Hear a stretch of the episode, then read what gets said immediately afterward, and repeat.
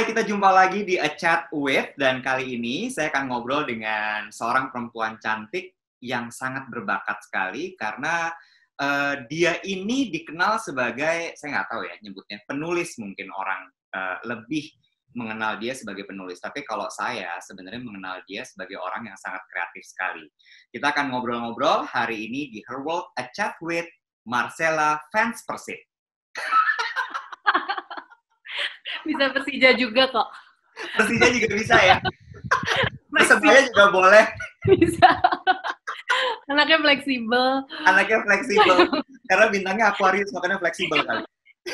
lebih ke terombang ambing ya, bukan fleksibel.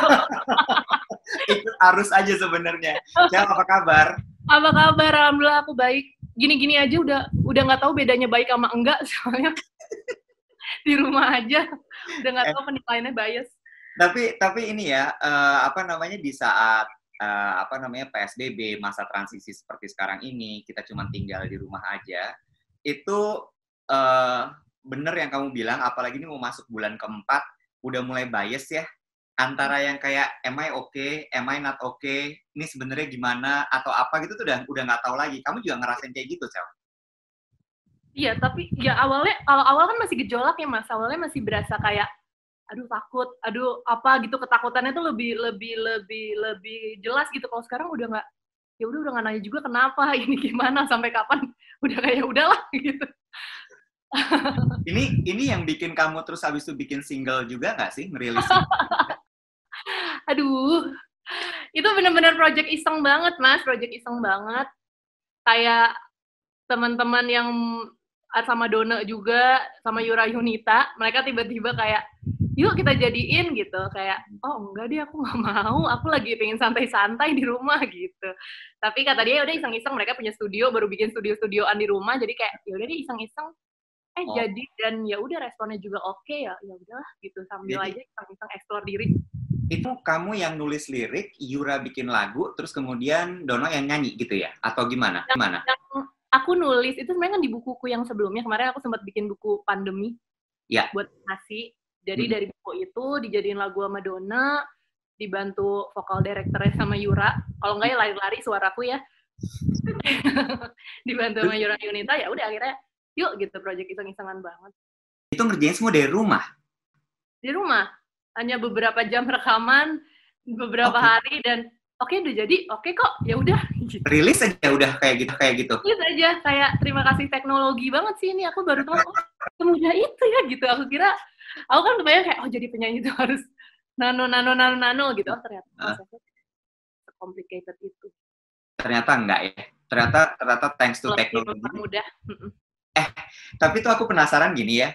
Kamu tuh kayaknya kalau ngerilis apa-apa kalau kamu bikin produk apa pun itu selalu sukses ya even gini ini kita ngomongin ngomongin single aja nih single lagu ini gitu ya ngomongin si single lagu ini kamu bilang cuma iseng-iseng, tadinya nggak mau, terus ini sebenarnya ada di buku yang sebelumnya, bla bla bla, tiba-tiba begitu dirilis, eh kok responnya positif, bagus gitu. Tapi pernah nggak sih kamu ngalamin juga ngerilis satu produk yang terus kok flop ya, kok nggak dimakan sama orang? Pernah nggak sih ngalamin kayak gitu, Cel? Sering sih sebenarnya, tapi mungkin yang kedengeran yang yang berhasilnya, maksudnya yang yang di uh. yang diterima orang. Aku hmm. kan sebelumnya graphic designer, Mas Iwet. Hmm. Hmm. 2008 Mm-hmm. Karyaku dari 2008 sampai 2018 kan sebenarnya nggak nggak kedengeran. Astaga, iya juga ya. Itu ya. kamu lebih banyak ngedesain pada saat itu? Aku foto buat musik, album musik, band. Ah. Aku desainer dan fotografer dulu. Foto wedding gitu-gitu. Makanya kayak, hmm. ya, huh, tapi ya memang kedengerannya ya baru sekarang, tapi ya menurut aku serunya gitu kayak aku kan banyak di belakang layarnya gitu. Iya, iya, iya. Ya. Penulis kan mau nggak mau harus muncul gitu. Ini menarik nih ya, Sel. Artinya kan gini ya, bahwa banyak orang kan melihat Cecel tuh memang udah terkenalnya sebagai uh, penulis, hmm. ya kan? Dengan bukunya dikit, Mas. Iya, cuma cuma masalah ini dikit itu tapi booming semua gitu. Semuanya meledak gitu. Cuma ternyata ada proses panjang juga dari 2008 sampai 2018 ya, Cel ya. Uh-uh. Itu artinya hampir 10 tahun loh proses kamu berkarya sampai akhirnya boom dia meledak dan banyak orang nggak tahu gitu ini nggak nggak kepingin kamu share juga sama teman-teman ya bahwa sebenarnya eh gue juga melalui hal-hal yang yang susah loh gitu uh, sebenarnya di beberapa forum kecil aku suka berbagi gitu. Cuma ya tapi memang yang di highlight dan di expose beberapa orang kan ya memang yang sukses story-nya aja gitu. Dan mm-hmm. dan dan menurut aku ya yang nggak ada salahnya juga. Mungkin jadi orang itu jadi motivasi juga. Tapi menariknya aku jadi sadar oh industri kreatif tuh se semenantang itu ya dan sesulit itu sebenarnya untuk hmm. untuk bisa bisa nggak usah bisa bilang sukses deh bisa hidup dari industri kreatif dan karya aja ternyata strugglingnya panjang dan ya sebenarnya itu cerita-cerita gitu suka aku share di forum atau di di workshop di kelas-kelas gitu dan hmm. dan ya kayak misalkan nggak usah jojo karyaku yang setelah generasi 90-an mungkin generasi 90-an udah agak kedengeran lah dikit. Ya. Itu Karya... mungkin bilang titik balik gitu ya, Cel? Iya. Ya. Setelah 2012 tuh baru agak kedengeran, habis itu kan redup lagi karyaku berikutnya nggak selaku itu gitu karena ya udah gitu ekspektasi orang mungkin udah tinggi di generasi 90-an pertama, karya berikutnya nggak selaku itu, tapi ya memang uh, basicnya aku suka bikin karya hmm. dan aku nggak pernah expect untuk kayak aku dulu pekerjaannya bukan dari karya, jadi hidupnya bukan dari karyanya mas. Jadi aku nggak pernah expect ya udah ini akan meledak, ini akan menghidupkan dan lain-lain. Enggak. Basicnya kan aku graphic designer ngerjain buat brand, buat klien gitu. Nyari duitnya di situ. Jadi ya udah bagi aku tuh dunia yang berbeda aja. Udah nih karya hidup sendiri, aku nyari duitnya di belakang layarnya gitu dan uh, uh, dan jadinya nggak nggak apa nggak terlalu kelihatan mungkin ya. Uh, Karena ini mungkin aku cerita sedikit ya sama teman-teman. Mungkin ada banyak yang tidak tahu. Mungkin Marcella orang tahunya adalah penulis, terus sukses dengan mulai dari generasi 90-an, NKTCHI, terus kemudian kamu terlalu banyak bercanda dan lain-lain sampai film, terus bikin single. Marcella ini pernah bekerja di sebuah brand retail, perusahaan retail, sebagai graphic designer. Di retail? Jadi budak agency juga pernah.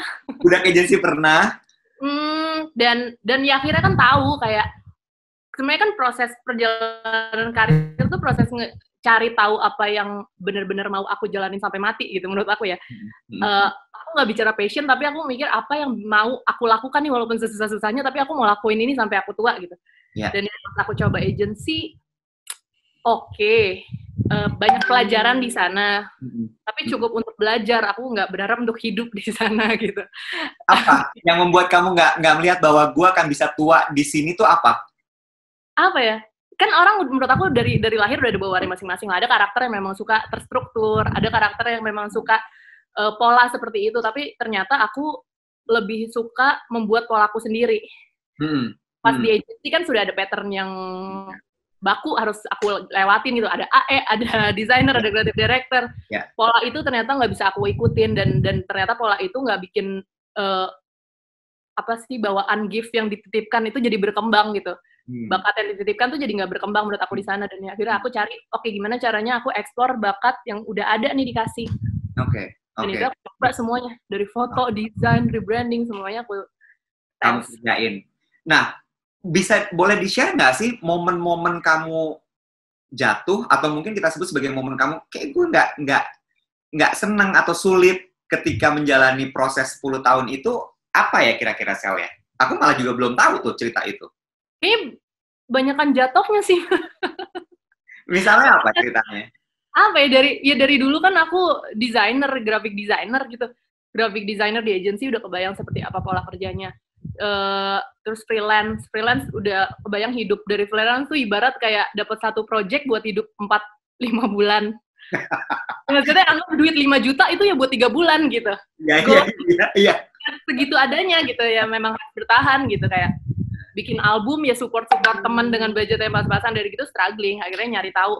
Sampai titik di mana uh, kondisi liverku dan kolesterolku tidak baik. Oke. Okay. 2012 lah itu sebelum generasi 90-an banget. Hmm. orang tua aku mulai khawatir. Aku ingat banget momen di mana aku waktu itu foto di backstage Justin Bieber. Terus? Aku foto buat opening act-nya waktu itu Groovy. Terus udah hmm. masuk ke dalam Uh-huh. di mana bapak pun nelfon kayak karena aku sakit lah kondisiku nggak baik-baik aja di momen itu aku suruh balik sekarang juga hmm. di situ aku kayak mikir ah berarti gue harus jadi apa ya maksudnya kayak jadi ini aja ternyata eh, nggak membanggakan juga gitu untuk orang sekitar gitu ya udah di situ nyari lah terus gue mau jadi apa dan dari situ titik aku mikir kayaknya gue nggak bisa selama jadi graphic designer deh karena Hmm. ngarepinnya cuma fisik aku doang gitu ibaratnya kalau aku mati aku juga nggak bisa biayain sekitar gitu Ya, ya, ya, ya, ya, ya, ya. Berpikirlah Betul. gimana caranya supaya bukan aku yang menghidupkan karya tapi karya yang ngidupin aku dan sekitar Oh. dari situlah belajar tentang IP management Oh. dari situ gimana caranya aku selalu bilang ke anak kantor ke partnerku gue pingin suatu hari gue mati nggak tahu kapan gue pingin karya gue tuh tetap bisa ngidupin banyak orang Oh. kayak orang nggak perlu tahu siapa di baliknya tapi orang harus tahu apa karyanya This is interesting. Ini menarik sekali. ini ini menarik ya. Jadi jadi ternyata justru justru semua ini muncul dari perasaan kamu khawatir pertama adalah kok karena ini pasti banyak banget dialami sama semua orang, Sel. Kerja, kerja, kerja menggunakan fisiknya, menggunakan pikirannya, tapi kemudian dia bekerja cuma untuk hari itu, uangnya cuma untuk hari itu, and that's it. gitu ya kan? Sementara kamu lebih berpikir untuk gimana caranya apa yang sudah kamu kerjakan itu bisa tetap menghasilkan. hmm. Ini menarik, yang kemudian disebut sebagai IP atau intellectual property. Ya, Hmm. kita jeda dulu sebentar. Abis ini kita balik lagi karena kita mau bahas, gue tertarik sekali nih ngebahas soal si IP ini atau intellectual property ya. Jadi kita akan kembali lagi tentunya hanya di Her World A Chat With.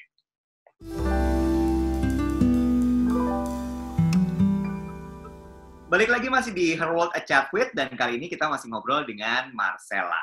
Oke, Cel, ya eh, ngomongin soal IP atau intellectual property gitu ya. Eh, ini masih banyak banget loh yang belum paham soal intellectual property ini. Kamu boleh share sedikit nggak sih gimana intellectual property ini ternyata bisa menghasilkan walaupun kamunya udah nggak ada gitu.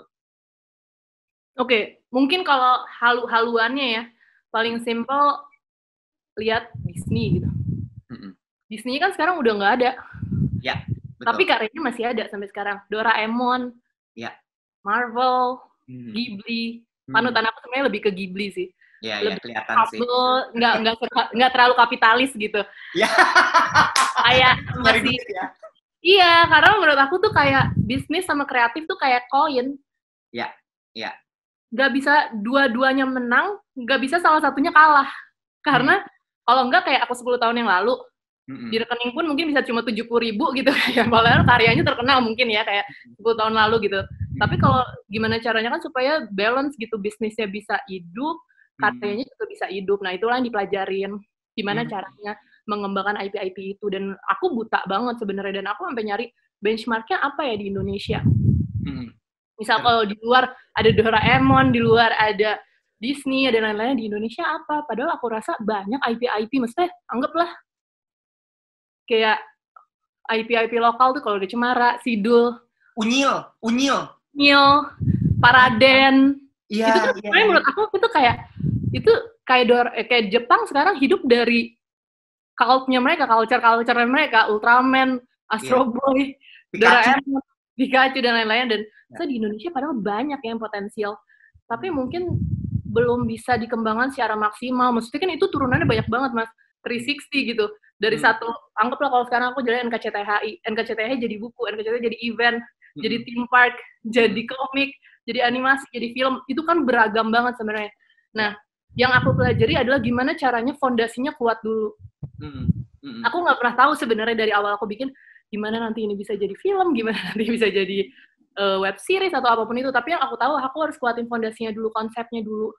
Oke, oke. Planningnya seenggaknya kayak lima tahun ke depan, misalkan generasi 90-an mau jadi apa aja, aku udah tahu itu akan jadi event, itu Hmm. akan jadi konten, akan jadi community, akan jadi apa itu turunannya aku notes nah Hmm. sambil proses makanya itu si generasi 90 butuh 8 tahun untuk ketemu orang-orang yang tepat ngejalaninnya Nah, iya. ya itu karena gabungan antara idealisme dan bisnis yang akhirnya harus bentrok dan Ya.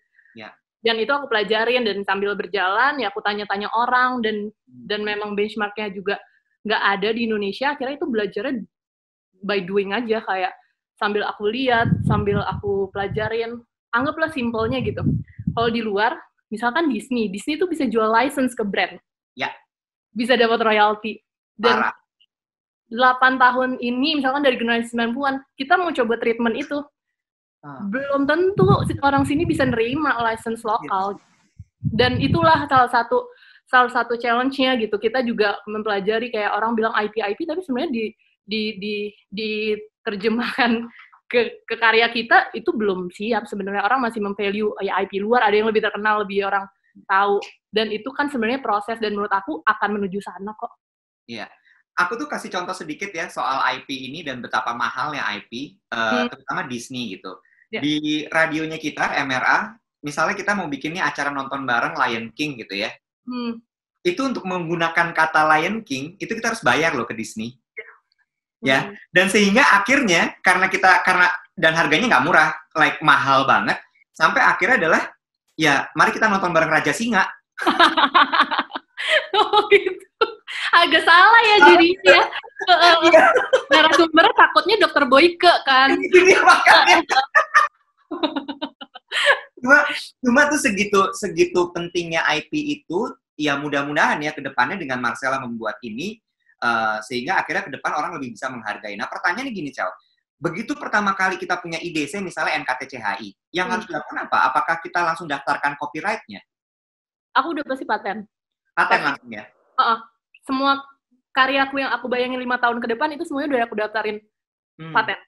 Hmm. Hmm. Karena itu tricky banget sih mas, maksudnya kayak hal yang kita capek-capek buat bisa diakuin orang tiba-tiba di tengah yeah. jalan itu itu itu itu aku mempelajari banget gitu karena bapakku dulu memang belajar di bidang itu jadi itu aku beruntungnya aku mengetahui itu lebih dulu.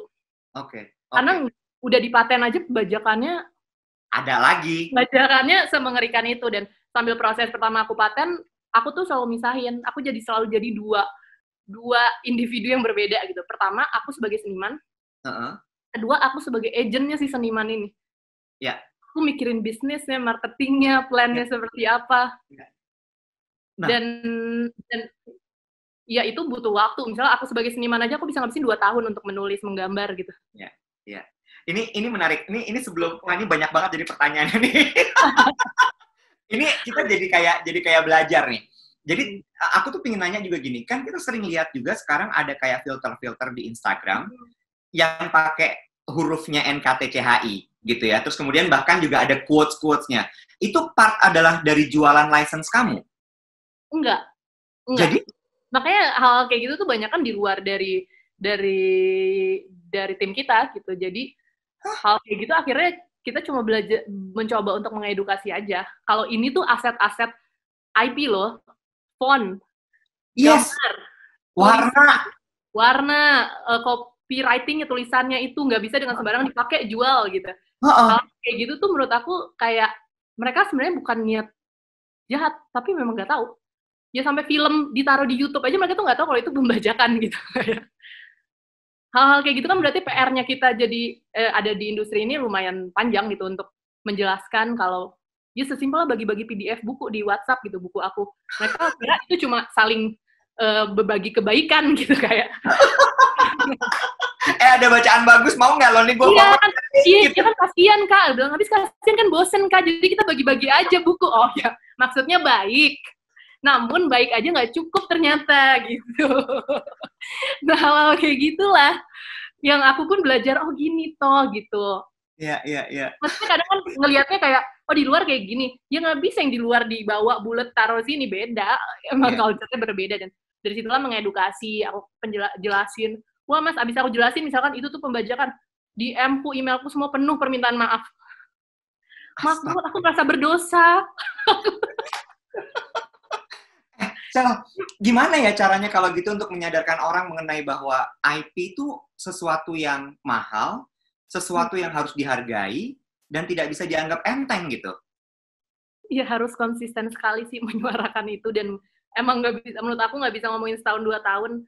Kayak Stanley aja butuh 90 tahun untuk jadi hari ini gitu. Kayak menurut aku kayak ya ini PR panjang dan dan ya aku masih menikmati itu kok. Kayak terus aku ngejelasin dan aku nggak pernah kayak sampai orang bajak baju dan lain-lain aku nggak pernah marah tapi aku akan ngedukasi dia ini loh ini loh ini gini aturannya gini gini gitu dan akhirnya mereka baru paham oh gitu ya nggak tahu maaf banget hmm. kayak yang jahat-jahatnya ada tapi ya itu pada akhirnya energinya jadi kayak kalau difokusin ke sana energinya habis ke sana mas jadi nggak berkarya Iya, iya, iya. Iya. Malah kamu jadi sibuk ngeliatin mana yang ngambil gitu. Mana yang ngambil kayak kayak aku harus milih seniman, para seniman atau pekerja kreatif harus milih mau fokusnya di mana karena ada hal, ada uangnya di setiap keputusan yang kita ambil. Maksudnya ada waktu yang kita spend, ada energi, ada ada uang juga, uang literal Kredit. sejuta uang.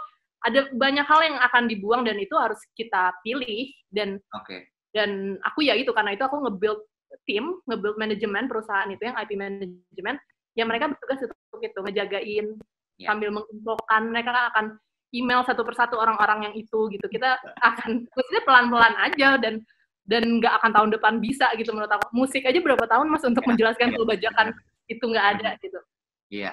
Eh, ini yang tadi juga menarik adalah eh, banyak yang bilang katanya gini, kalau seniman itu seniman aja, nggak Hmm. akan bisa jadi eh, say businessman gitu ya, atau dia tidak akan bisa memikirkan bisnisnya, tidak akan Hmm. bisa menjadi entrepreneur. Aku tuh kemarin kaget ketemu sama Noval, Noval Hmm. pelukis ya. Hmm. Noval itu sampai sekolah loh, artpreneur. Jadi dia bener dia belajar bagaimana memasarkan lukisannya melalui sosial media, melalui digital, melalui media apa segala macam gitu ya.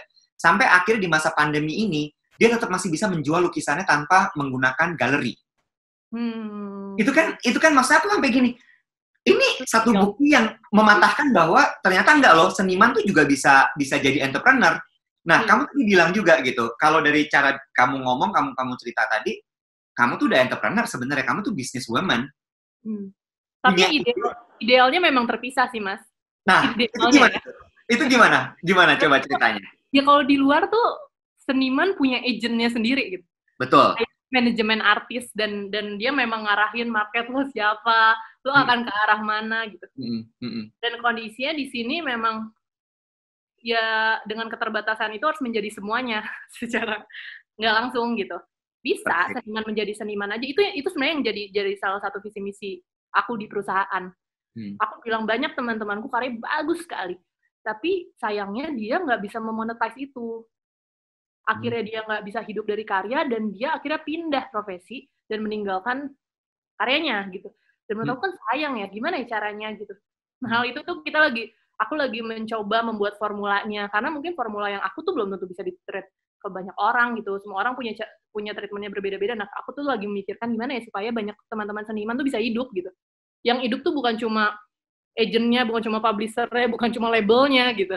Mm, mm, mm. Mereka pun bisa. Nah itu mungkin harus dipikir PR bareng-bareng juga kayak gimana caranya karena memang idealnya senimannya jadi seniman aja sih menurut aku. Karena kalau udah ada angka di kepala Iya. berapa? Be- Beda. Kamu ngalamin gitu nggak, Cel? Iya. Ketika berkarya jadi kayak mikirin ini akan jadi hasil lo, uangnya seperti apa ya? Ini akan jadi apa? Kayak gitu-gitu nggak sih? Ngalamin juga nggak? ngalamin tapi akhirnya aku kan misahin jadi aku bikin tiga aku bikin karyaku aku bagi jadi tiga Mm, mm, satu karya nyari duit mm, mm. dua karya buat soul aku karya hati aku yang Mhm. aku mau bikin orang suka nggak suka terserah Mm, mm. ketiga itu karya charity karya bu- karya buat sosial Ah, Nah, dua yang belakang ini bisa jalan kalau satu ini jalan Iya. Karena, Karena aku bikin tenang. iya aku butuh kos ini juga mau bantu yang lain juga butuh kos Iya. ini dapur satunya harus ngebul dulu. Jadi aku sama tim, ya udah kita ambil project-project yang mungkin kita nggak happy, tapi nggak ada nama aku di sana gitu. Kayak Mm, ya ininya harus ngebul dulu, baru nih dua ini bisa dijalanin dan dan ya kayak gitu-gitu kan kayak banyak itu tubrukan nama idealisme ya mas. Iya, iya. Itu- oh, itu- gue gitu. Ini ini menarik loh, sebuah ironi gitu menurut aku. Iya. Di satu sisi kamu berkarya dengan sangat indah sekali, kata-kata yang keluar ketika kamu menulis juga sangat bagus, tapi di satu sisi kamu juga tuh bisa bisa dengan sadar memikirkan bisnis. Itu nggak gampang menurut aku. Dan itu one of a kind gitu. Nggak banyak orang yang seniman yang bisa seperti itu gitu. Itu nggak bisa ditanya ya gimana caranya ya, karena it's, it's a gift menurut aku. Itu lama sih, lama berproses sampai ke hari itu sih. iya kan? kayak lama banget karena aku tahu pada dasarnya sisi seniman lebih dominan gitu. Kalau aku bisa disuruh Hmm. pilih, aku pingin kayak orang di luar yang kayak udah gue berkesenian aja tanpa mikirin itu gitu kalau bisa pilih gitu. Idealnya, tapi ya memang aku tahu rasanya kayak sampai mau quit dari generasi 90-an dari perusahaanku karena nggak bisa hidup dari sana. Karena Hmm. aku nggak bisa menghidupkan orang sekitar gitu. Itu Hmm. tahu banget rasanya dan memang nggak ada pilihan lain selain harus eh, ber- ide- idealismenya harus beradaptasi sih. Nurunin ego, Iya. nurunin beberapa hal harus di-adjust gitu nggak bisa kayak aku yang segini kayak harus ketemu di tengah sama market gitu. Yeah. Kalau kayak gitu tuh dulu mana bisa waktu aku masih 20-an baru lulus kuliah kayak keakuannya masih tinggi gitu kayak nggak bisa gitu. Tapi lama kelamaan ya Belajar lah ya. adaptasi. Bisa dibilang berarti memang eh, eh, semakin dewasa seseorang, karyanya akan semakin terlihat kematangannya gitu ya. Iya betul. Dan dia mau milih apa kalau memang dia memilih untuk ya banyak kan ya udah gue hidup dengan satu karya dalam satu tahun juga gue cukup gitu. Itu kan ya pilihan kehidupan. Tapi kalau aku merasa aku berun- beruntungnya dapat suara dari karya Nah, dan aku dapat kesempatan untuk menyuarakan itu untuk orang-orang lain gitu kayak kayak menurut aku itu gift gitu kayak dapat karya bestseller aku bisa nyuarain orang-orang lain dengan aku didengar gitu. Ya. Oke, kita kita break dulu. Tadi udah cerita soal eh, cita-citanya Marcella, terus kemudian bagaimana dia eh, berkarya, IP-nya, ini isi kepalanya nih udah dikeluarin. Abis ini aku ingin tahu isi hatinya. Jadi jangan ke mana-mana, tetap kita saksikan Her World A Chat with Marcella.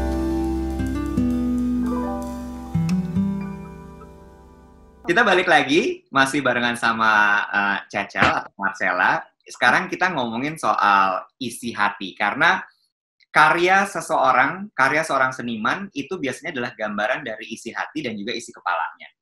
Nomor satu tuh, aku pernah ngobrol sama Ucit ya, Cel. Dia dia pernah bilang gini, orang-orang yang punya kemampuan menulis, bertuturnya baik, itu isi kepalanya clear katanya gitu. Kamu setuju nggak dengan ini?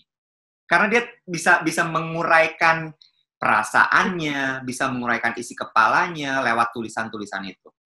bisa jadi malah lebih kompleks nggak sih? Makanya dia berusaha untuk menerjemahkan jadi kalimat gitu.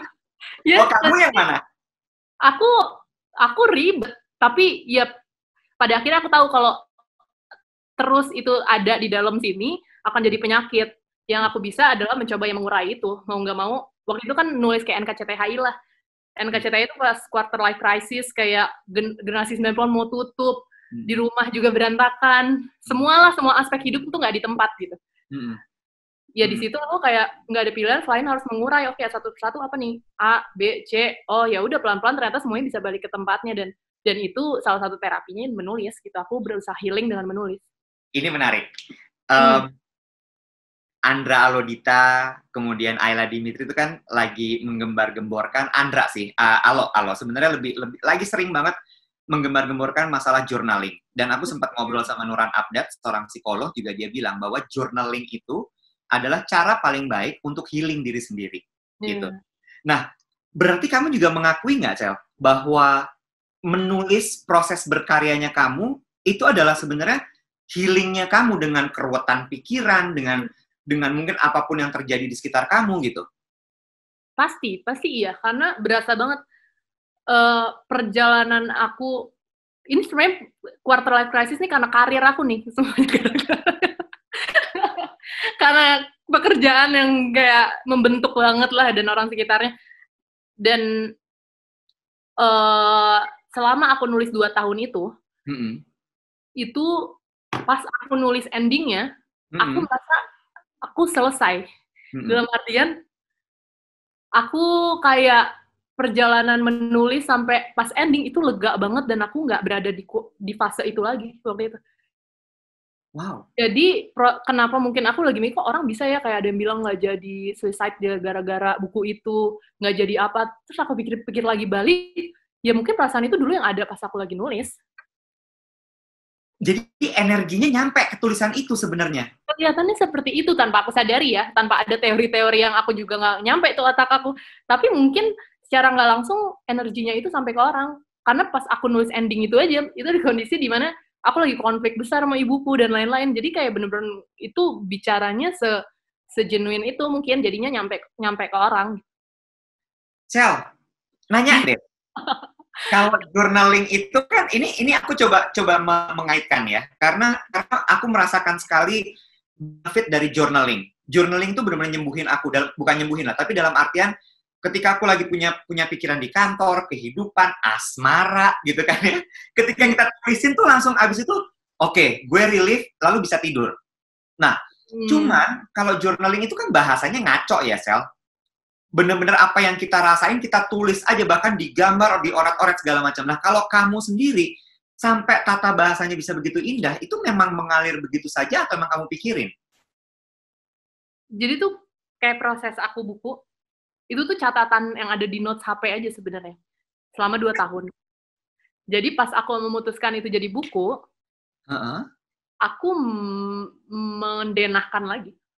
Aku mapping lagi kayak di, di diperbaiki, di kan ada editornya juga yang kayak ngasih masukan dan lain-lain. Jadi memang dari awal vlog-vlog itu mungkin ibaratnya nih kayak tadinya ada 200 cerita, tulisannya sebelumnya lebih panjang, Mas. Maksudnya kayak lebih belibet lah gitu. Jadi Oh. pas aku jadikan ke buku, aku pingin menyederhanakan aja karena sebenarnya di buku NKCTA itu yang mau aku tonjolkan itu sebenarnya visualnya bukan tulisannya. Karena aku basically graphic designer. Iya. Makanya pendek-pendek, Cel ya. Aku pingin nampilin gambar itu ngomong gitu. Oh. Tapi ya ya ternyata berjalannya mereka banyak kan memang suka di tulisannya juga gitu. Ya. I Dan-. Ya itu prosesnya di aku nge apa sih namanya tuh bikin strukturnya. Aku akan bikin sama kayak bikin buku seperti biasa aku bikin strukturnya, aku kurasi lagi. Jadi berarti sel si si uh, uh, proses healingnya kamu tuh sebenarnya bukan lewat nulisnya, tapi lebih gambarnya itu sebenarnya. Ya mungkin dua-duanya kali ya kayak kayak kayak bisa menjabarkan apa yang berantakan gitu loh mas. Iya. Kayak, misalkan nih sesimpel ya ada kalimat aku tulis mungkin tidak juga jawaban gitu. Mm-mm. Padahal tuh kayak prosesnya aku ngerasa kayak kok gagal terus ya gue mau coba apa gagal. Padahal kan gue doa kayak kasih jawaban kasih jawaban kasih jawaban gitu kayak setiap malam gue doa. Mm-mm. Tapi kok kayak Allah nggak kasih jawaban terus tapi pas aku mikir diem gitu ini kan udah dijawab enggak ya kok gue ngeyel sebenarnya gue tuh minta iya gue tuh minta iya bukan gue minta jawaban gitu. Kayak kayak gitu-gitu loh kayak itu tuh berproses banget. Jadi kalau kalau jadi sebenarnya if we put context into the sentence itu sebenarnya adalah lebih indah lagi loh sebenarnya. Ya, lebih luas. Dan dan menariknya kalau nulis kan kalau karya seni apa pun itu interpretasi orang akan beragam banget. Dan menurut aku itu yang menyenangkan kalau aku dikte A sampai Z mungkin orang cuma oh ya nih, nih penulis ini ngerasain ini nih gitu Iya iya iya iya iya iya. karena pendek cerita itu jadi punya semua orang Lagi. aku lagi di cerita tua Ini seneng deh. Aku aku seneng ngobrol sama kamu tuh selalu selalu menarik gitu menurut aku. Em, a- aku sempat dengar juga bahwa di balik karya-karya kamu gitu ya, eh, NKTCHI kita terlalu banyak bercanda, kamu juga katanya hmm, kamu tuh tipe yang mendengarkan teman. hmm.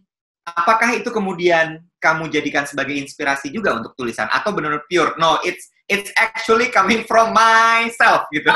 Enggak lah. Da- dari banyak hal, dari banyak hal. Misalnya pada masa itu ya, pada masa itu ada ada temenku suaminya ditangkap narkoba, dia mau cerai dan lain-lain. Itu kan hal-hal yang kayak ada kayak tulisan yang memang aku tujuin buat dia untuk menghibur dia gitu. Mm-mm. Kayak nggak aku nggak bisa ngomong apa pun ke dia karena aku tahu itu berat banget. Aku nulis itu di buku. Hmm. Ada yang tulisan memang kayak sesimpel aku lagi di London Book Fair ada driver ada supir taksi yang bilang ke aku kayak gara-gara aku bilang aku aku penulis dia nanya kamu penulis terkenal ya di Indonesia terus aku bilang enggak lah aku biasa aja maksudnya dunia tuh buat besar banget untuk ngaku terkenal gitu kayak Hmm. Terus dia bilang nggak boleh ngomong gitu kayak kerikil dilempar ke sungai aja pasti ada riaknya gitu kayak pasti ada wave-nya dan lo nggak bisa mengecilkan apa pun yang lo kerjakan sekecil apa pun ada pengaruhnya ke orang dan dari situ kayak iya sih gitu kadang kita tuh apa yang kita buat tuh ngerasa kayak enggak lah biasa aja gitu. dan itu kayak jadi tulisan maksudnya kayak pelajaran yang harian aja yang aku lihat aku dengar gitu akunya mah biasa-biasa aja kayak maksudnya bukan yang pengalaman kayak or, ya memang hidupnya berjuang banget apa-apa jadi kayak pengalaman enggak padahal aku lebih banyak mendengar aja lebih banyak dengar banyak lihat Cel, katanya ya salah satu salah satu eh, tips trik rahasia Hmm. seorang communicator yang sukses adalah ketika sebenarnya dia banyak mendengar ketimbang berbicara. Kamu setuju nggak dengan kalimat ini, Cel? Iya, tapi aku lebih setuju kalau seimbang sih kalau kita denger doang kayak Macam kambing conge. meledak di kepala gitu kayak aku tuh selalu percaya kita tuh gelas. Jadi Hmm. gelas, gelas tuh harus setengah kosong, nggak boleh kepenuhan. Jadi kalau udah kepenuhan kita bagi. Terus kita Hmm. isi lagi, kita bagi. Kayak gitu aja terus ngulang sampai mati. Hmm. Jadi harus tetap ada yang dikeluarkan juga dari apa yang kamu dengarkan tadi. Dalam masa pandemi ini ada hal-hal yang bikin perasaan kamu campur aduk nggak? Karena katanya kalau orang berkarya itu memang harus berasal dari kegelisahan dalam dirinya, dalam hatinya gitu. Ada sih pasti sama lah. Mungkin semua orang pasti ada lah rasa kayak apalagi di bulan-bulan awal ya nggak sih mas? Mm -mm. Kayak kayak hal yang nggak bisa kayak ini halnya asing tapi kita juga nggak ngerti apa aku pun juga kayak gitu gelisah sampai hmm. suatu momen aku nonton video itu minggu pertama deh. Kan kita baru tahunya oh, takut pandemi gitu. Kita belum tahu ini efeknya ke ekonomi global dan lain-lain. Tuh di minggu pertama kan belum ngeh ya kayak ya udah jangan keluar virus gitu. Terus tiba-tiba aku nonton video ada seorang bapak yang jatuh penjual minuman jatuh dari sepeda. Terus awal-awal kan orang tuh gak ada yang mau deketin ya kalau ada orang jatuh di jalan atau apa kan videonya nyebar tuh. Nah hmm. ternyata bapak itu tuh kelaparan, bukan corona gitu.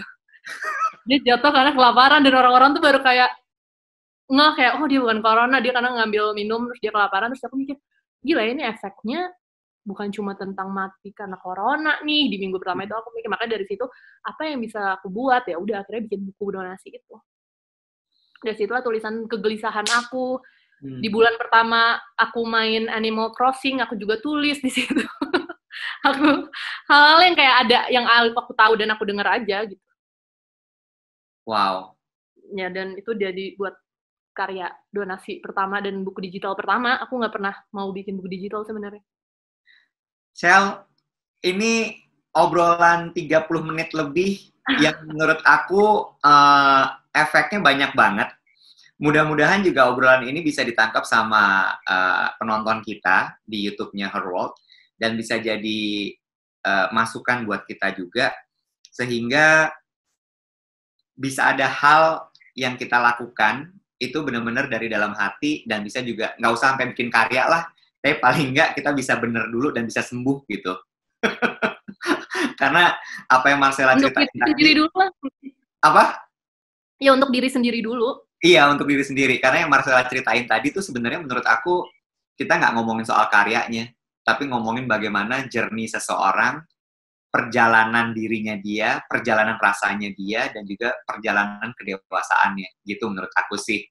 Thank you banget ya, Cel. Buat Terima kasih banyak. Terima kasih banyak, Mas Iwel. Sukses terus. Ya. ya, kita tunggu karya-karya berikutnya. Kita udah nggak sabar sekali untuk bisa mendapatkan karya-karya terbarunya Cel lagi ya. Terima kasih. Sampai okay. ketemu di dunia nyata. Yap, thank you, Cel. Bye-bye. Bye.